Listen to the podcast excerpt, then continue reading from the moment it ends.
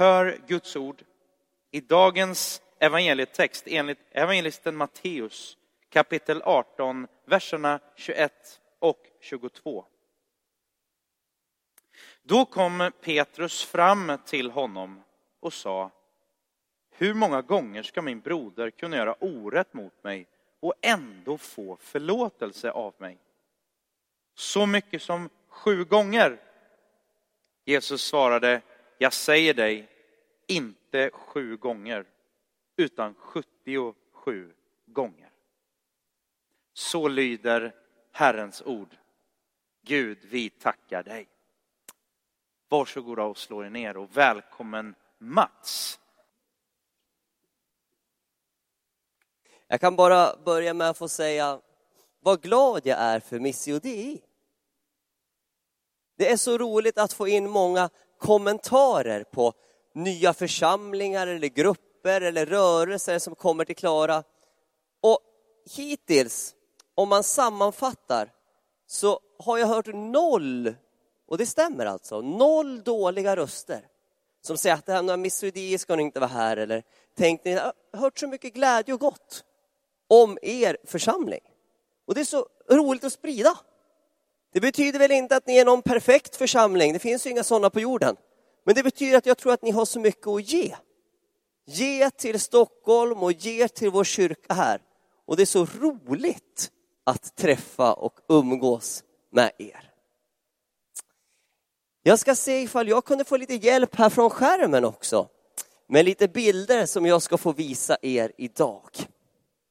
Jag läste ju på er vackra hemsida och har ju hört från er också att ni just predikar och undervisar om Guds mission. Och eh, när jag tänkte på Guds mission i världen så kom jag att tänka på det här lilla ordet. Förlåt. Det är ju en av de allra viktigaste sakerna för Jesus. Om ni läser till exempel några av de första böckerna i Nya Testamentet, Matteus, Markus, Lukas och Johannes evangeliet. Då märker ni att förlåtelse är något jätteviktigt för Jesus. När han träffar någon, ja Jesus han är alltid så fylld av goda motiv och önskningar. Men väldigt ofta när Jesus träffar någon så är han ute efter att förlåta dem och hela dem. Förlåtelse och helande. Som så vackert och så ofta gällande just Jesus går hand i hand. Och jag tänkte att om jag pratar här med er en stund idag om Guds mission gällande förlåtelse så kanske han utför helandet i oss. Herre, vi ber för den här lilla stunden. Det finns ju stunder som du gör, då du gör heliga ting. Både som vi märker och som vi inte märker. Och vi bjuder dig, Herre, att göra det idag. Gör det här och gör det nu. Du som är så god. I Jesu namn. Amen. Jag tänkte börja den här predikan i ett litet sträv ända.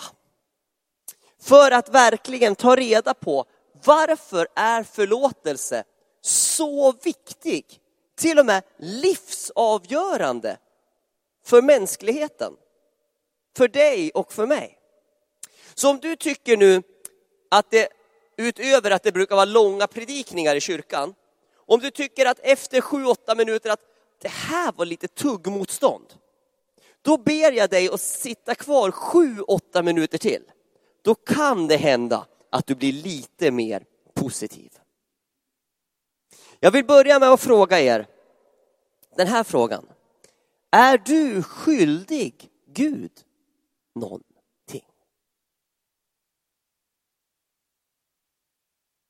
Vi är ju snabba på att göra oss av med våra skulder i allmänhet, är det inte så? Om du har lånat någon en 20 till fika så är du väldigt snabb. Oj, oj, men det ska jag betala. Eh, eh, eller hur? Man vill inte stå i skuld till någon. Vi försöker vara snabba med att betala av banklånen. Amortera av så mycket som det går. Men om vi skulle ha en skuld till Gud, vem skulle vilja stå i skuld till Gud? Vem skulle överleva och stå i skuld till honom? Ja, vi märker när vi tittar vidare och går in i Bibeln att faktiskt hela mänskligheten verkar stå i skuld till Gud. Vi tittar på kommande bibeltext.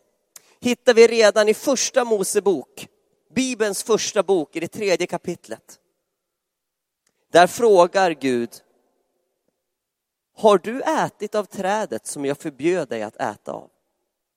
Och mannen Adam svarade, kvinnan som du ställt vid min sida, hon gav mig av trädet och, och jag åt. Då sa Herren Gud till kvinnan, vad är det du har gjort? Och hon svarade mig, ormen lurade mig och jag Känner ni igen? Jag har inte gjort något. Det var han som slog mig. Det var hon som sa det. Det var dem, det var dem, det var det. Jag är utan skuld. Men alla de andra, de är min sann bovar. Vi verkar ha den här inomliggande sjukdomen att väldigt lätt skylla ifrån oss skuld. Kanske för att vi har svårt att hantera att stå i skuld. Så om man tittar på de värsta sakerna gällande skuld som hänt i världshistorien, då brukar man ju ofta anklaga till exempel Hitler för det. Eller Stalin. Vi tar nästa slide tack. Stalin eller någon annan. Men när jag tänker på skuld och historien, då tänker jag på att det var någon som förnekade en man. Och någon annan som förrådde honom. Och en bunt andra som dödade honom på ett kors. För 2000 år sedan. Och tänk på vem den här mannen var. Inte bara en god man, utan Guds enda son. Skick skickad till oss för att bära vår synd, för att hela oss, undervisa oss, välsigna, ja ge sig själv för oss. Och vad gjorde vi mot honom? Sex tums spikar i handlederna och fotlederna.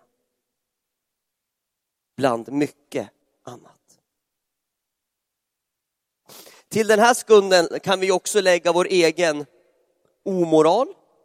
Har du något sånt med dig till kyrkan idag? Du kanske har lite hemliga pornografiska synder att bidra med. Lite lögner, lite hemliga planer. Du kanske utåt sett har ganska bra motiv, men egentligen så har du ganska ruttna motiv när du tänker efter i livet. Eller? Tyckte du det här var uppmuntrande? Tänker du den där direktorn i Klara, Mats, han verkar vara en trevlig kille. Fram tills han börjar prata. Drar du handbromsen och säger, hallå, vad hände med det där att jag var älskad? Vad hände med, med det där att jag var så värdefull och unik? Ja, just på grund av att du är så älskad på riktigt, så värdefull och unik, så kom Jesus för att förlåta dig.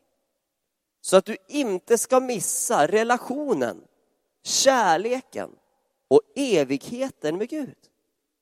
På grund av att du är så värdefull. Ja, är jag skyldig någonting till Gud? Hur ser det ut med det? Tänk om vi här nu på eftermiddagen tillsammans skulle rapa upp de tio värsta sakerna vi någonsin tänkt. Tänk att det sitter ju bland annat ett pastorspar och ett lovsångsteam här på första raden. Tänk om jag bara, om ni tar bort mina slides där och så tar vi och projicerar upp, inte de tio värsta sakerna man gjort, det, eh, ni har ju knappt gjort en fluga för när. Men om ni tar de tio värsta sakerna ni tänkt genom livet. Och så tar jag de tio värsta jag tänkt, så fortsätter ni här. Ni kanske har något bidrag. Ni kan bidra med, och ni här nere. Och så tar vi och projicerar upp det här på skärmen. Vi skulle det få oss alla en ganska stark längtan efter att gå hem från kyrkan. För vi märker att det finns något fundamentalt osunt i oss människor. Inte bara i Hitler och Stalin. Utan att det går någon slags skiljelinje genom våra hjärtan. Då vi märker att något är djupt fel.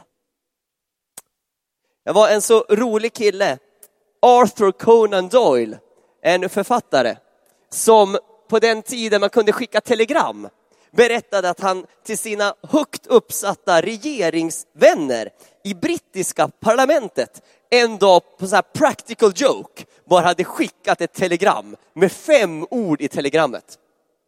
Han hade skickat det här telegrammet till sina högt uppsatta vänner. Fly genast, allt är upptäckt. Han skickade iväg telegrammet och tänkte, det var en rolig grej va. Kompisarna kommer tycka jag är kul. Sen under veckan hörde han av sig då. Det fanns väl knappt någon mobil då, men det fanns väl med, med tråd i varje fall. Man kunde ringa sina kompisar så. Ingen hemma.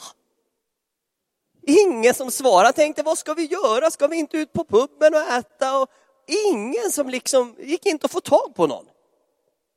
Och sen kollade han vad som hade hänt med hans högt uppsatta vänner. Och han skriver, Arthur Conan Doyle, att till hans förskräckelse så hade samtliga lämnat landet inom 24 timmar. Och han sa, jag har ju inte ens skrivit vad det gällde, vad det handlade om. Och då börjar man ju undra, är vi människor skyldiga Gud någonting? Tänk om det är så att min skuld till Gud egentligen inte bara är så där liten som en tusenlapp. Tänk om min, Mats skuld till Gud är helt obetalbar.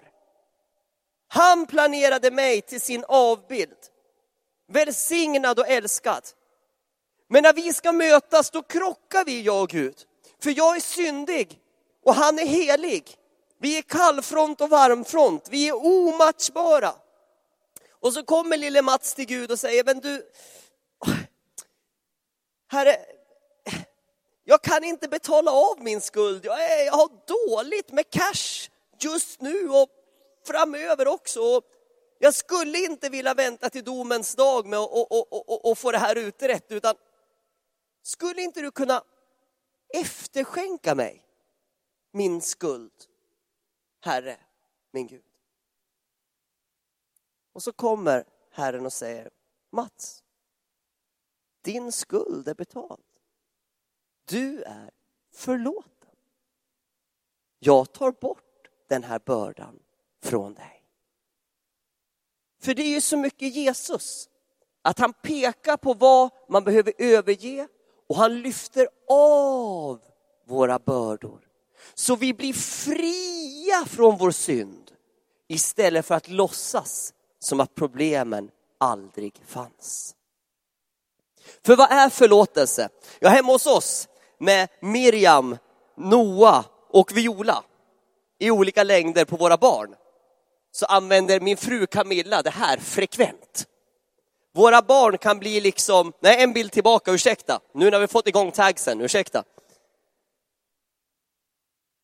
Det spelar ingen roll om våra barn är ute eller inne, ibland kan de både vara ute och inne, ändå kan de bli smutsiga på kläderna liksom. De kan vara, mellan, de kan vara liksom vid gångjärnen vid dörren. Överallt kan de bli smutsiga. Och Camilla, min vackra fru, sprutar intensivt med ta bort fläckborttagningsmedel. Och jag kom på att förlåtelse, det är ju att ta bort skuld. Jag satte dit den röda cykeln För jag kommer att tänka på min bekant Graham som likt Missio Dei bygger projekt, kyrkor, kristen rörelse utanför London. Han fick en gång sin cykel stulen, min bekante Graham. Och han sa så här när han fick sin cykel stulen. Ja, jag åker till cykelaffären då. Och så köper han en ny cykel. Och för ovanlighetens skull fick Graham reda på vem som hade snott hans cykel. Och det kan ju vara ett större problem än att få cykeln snodd. Hur många av er har någon gång fått cykeln snodd? Ja, det är 86 procent. Hur många av er har någon gång fått reda på vem som snodde er cykel? Ja, 22 procent. Graham, han tar sin nya inköpta cykel. Och så tar han reda på var tjuven bor. Och så cyklar han på cykeln hem till tjuven, ringer på dörren. Ding dong! Tjuven öppnar med tjuv-smilet. Hej, vad kan jag göra för dig? Och Graham säger, vet du vad? Jag har fått reda på att det var du som snodde min cykel. Men jag har goda nyheter till dig och det är att jag har förlåtit dig för det. Jag har tagit bort din skuld. Du är inte längre skyldig mig någon cykel, inga förlåtelsebrev. Jag, jag kan inte säga när jag kommer upp till min far i himlen, den där killen ska inte in för han är skyldig mig en cykel. Jag har förlåtit dig genom att ta bort din skuld. Du är fri från den. Och jag hittade en så bra cykel när jag var i cykelaffären. Så jag tänkte också fråga, du kanske behöver en till? Och han ger den nya cykeln till tjuven. Som nu har fått två cyklar. Och den andra cykeln, då tänkte jag på det här bibelordet. Är din fiende hungrig, ge honom att äta. Är han törstig, ge honom att dricka. Då samlar du glödande kol på hans huvud. Vad jobbigt det måste vara att vara tjuv. Jag vet inte om du provat det. Dåliga arbetstider, dåliga arbetsförmåner, kass pension och dessutom sånt förödmjukande som Graham när han kommer, kanske till och med på Guds uppdrag, med en cykel till. En förlåtelse, det är ju inte att försöka hitta något gott karaktärsdrag hos förövaren. Förlåtelse, det är inte att säga att det var okej. Okay. För det behöver man ju inte förlåta om något var okej, okay, eller hur? Det är inte heller att man slipper ta konsekvenserna av sina brott. Det finns många som blir förlåtna, men tar konsekvenser av brott. Och förlåtelse är inte heller att man ska glömma att det har hänt. Tänk om jag skulle sno din cykel. Du skulle nog aldrig kunna glömma att det var den där direktorn i Klara, Mats. Ja, han.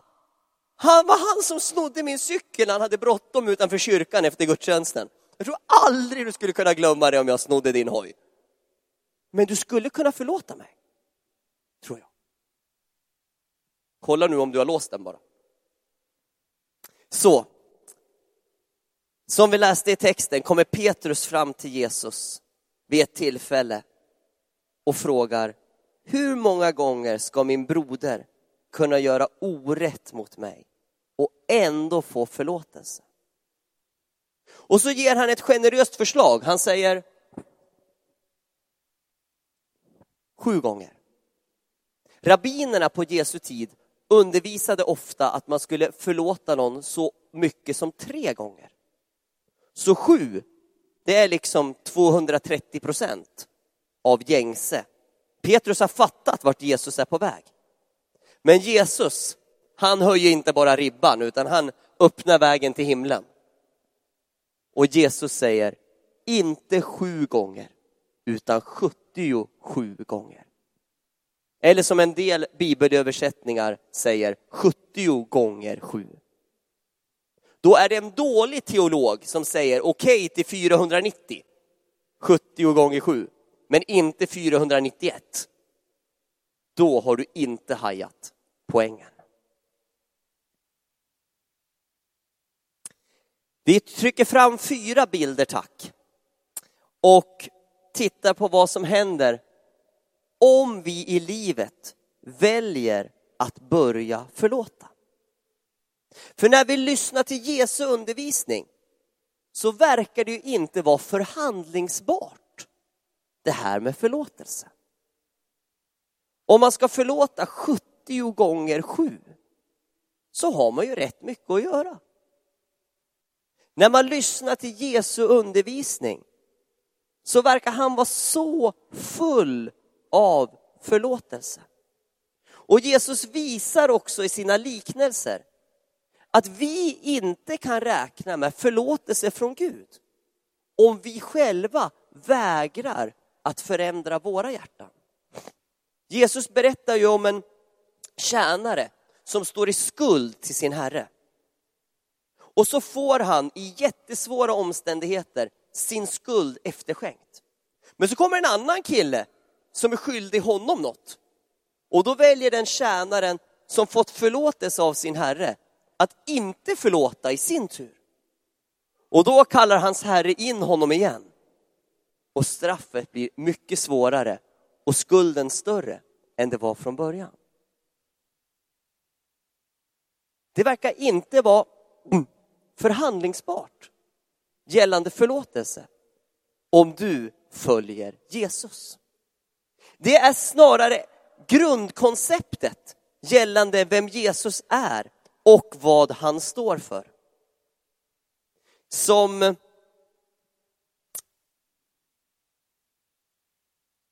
Max Lucado säger, om vi hittar två bilder längre fram.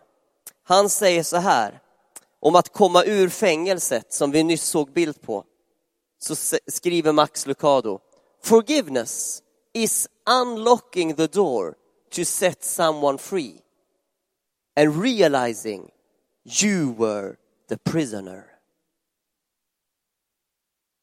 Att förlåta, det är att låsa upp fängelsedörren så någon annan får bli fri.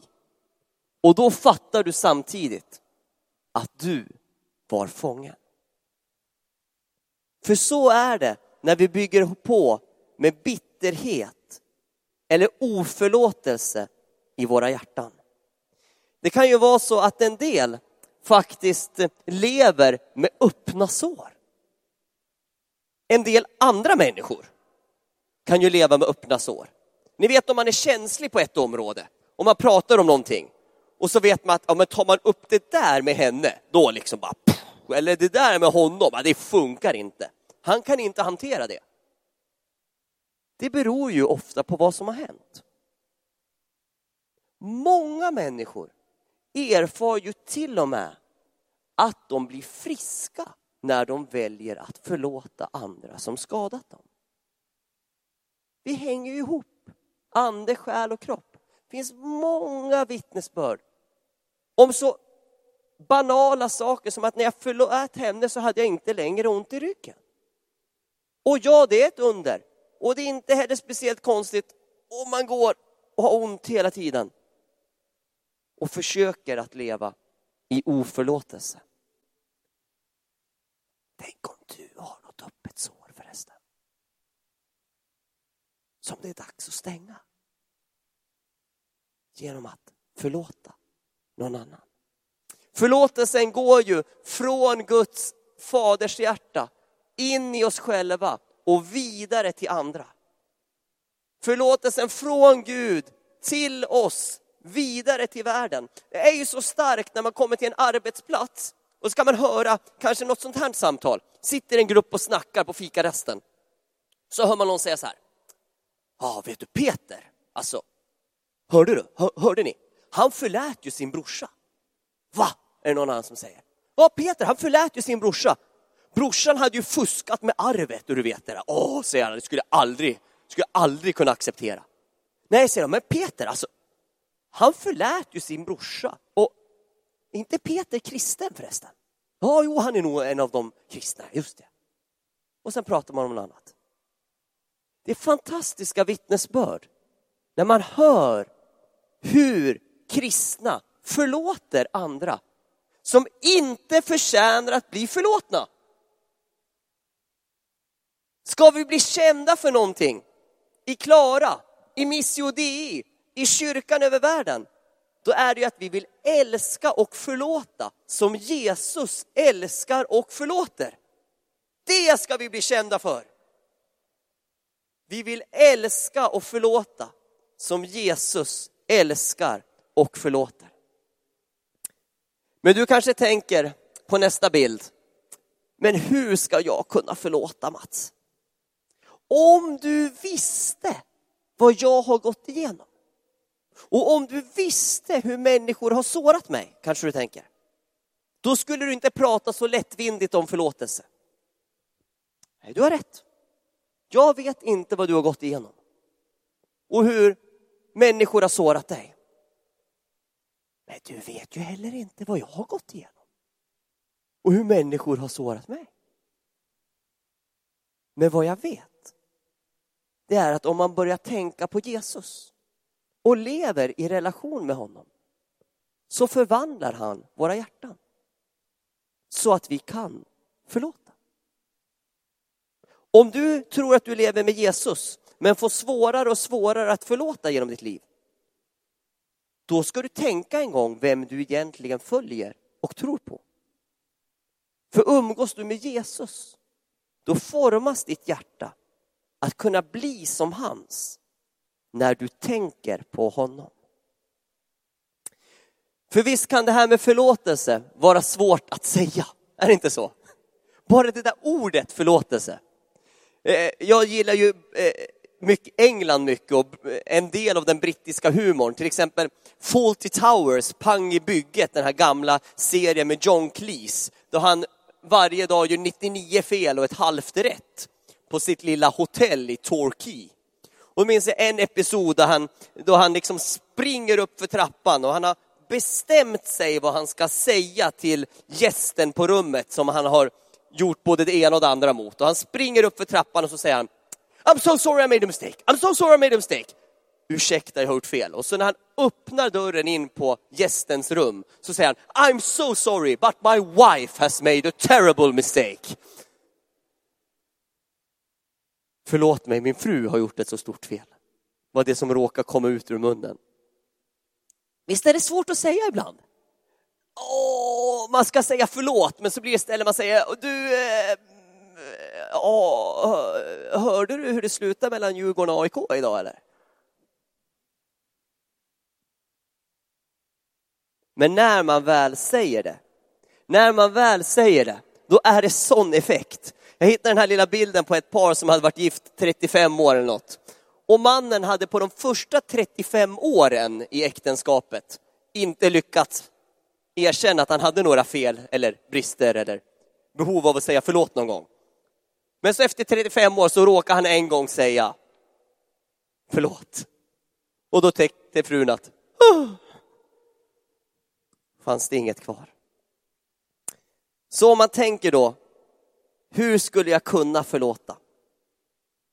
Då ska vi komma ihåg att förlåtelse, det är inte främst ett känslobeslut, utan det är ett viljebeslut. Det är något vi väljer att göra, som vi inte känner för. Det är ofta en process. Man kan inte förlåta något svårt på en kvart. Men ibland på två år med terapi, förbön och samtal. Och tänk bönen Fader vår, när Jesus lär oss att vi tar emot förlåtelse så som och vi förlåter dem som står i skuld till oss. Och eh, du kanske känner nu när vi ska dra ihop predikan. Ja, jag vill ju det här med förlåtelse. Det kommer ju förändra och förvandla mitt liv. Men måste jag? Tvingar du mig Mats? Va? Nej, jag tvingar dig inte. Du kan ju bara själv tänka över konsekvenserna. Jag behöver inte tvinga dig. Du behöver bara lyssna till Jesus som säger döm inte så ska ni inte bli dömda. Förklara ingen skyldig, så ska ni inte dömas skyldiga. Och frikänn, så ska ni bli frikända. Om du vill veta vad frihet är och lära känna Guds storhet, då tycker jag att du ska satsa på nästa bild. Då ska du satsa på det här ordet framöver. Herre, vi tackar för det här tillfället. Och vi ber att den här tematiska undervisningen, det är från ditt ord som du har glädje över. Det ber vi ska komma in i våra hjärtan, in i våra sinnen och i en praktik där vi får ta emot din kärlek och förlåtelse och ge den vidare. Kanske inte börja med någon diktator i Nigeria som vi är jättearga på från tv-reportage. Utan Herre, lär oss att börja med vår man eller hustru. Med våra barn eller föräldrar. Med våra kusiner, grannar, arbetskamrater. Med våra fiender. Herre, då har vi att göra ett tag. Med bönen om att ska vi bli kända för någonting genom kyrkan så är det att vi vill älska och förlåta som du älskar och förlåter. Amen.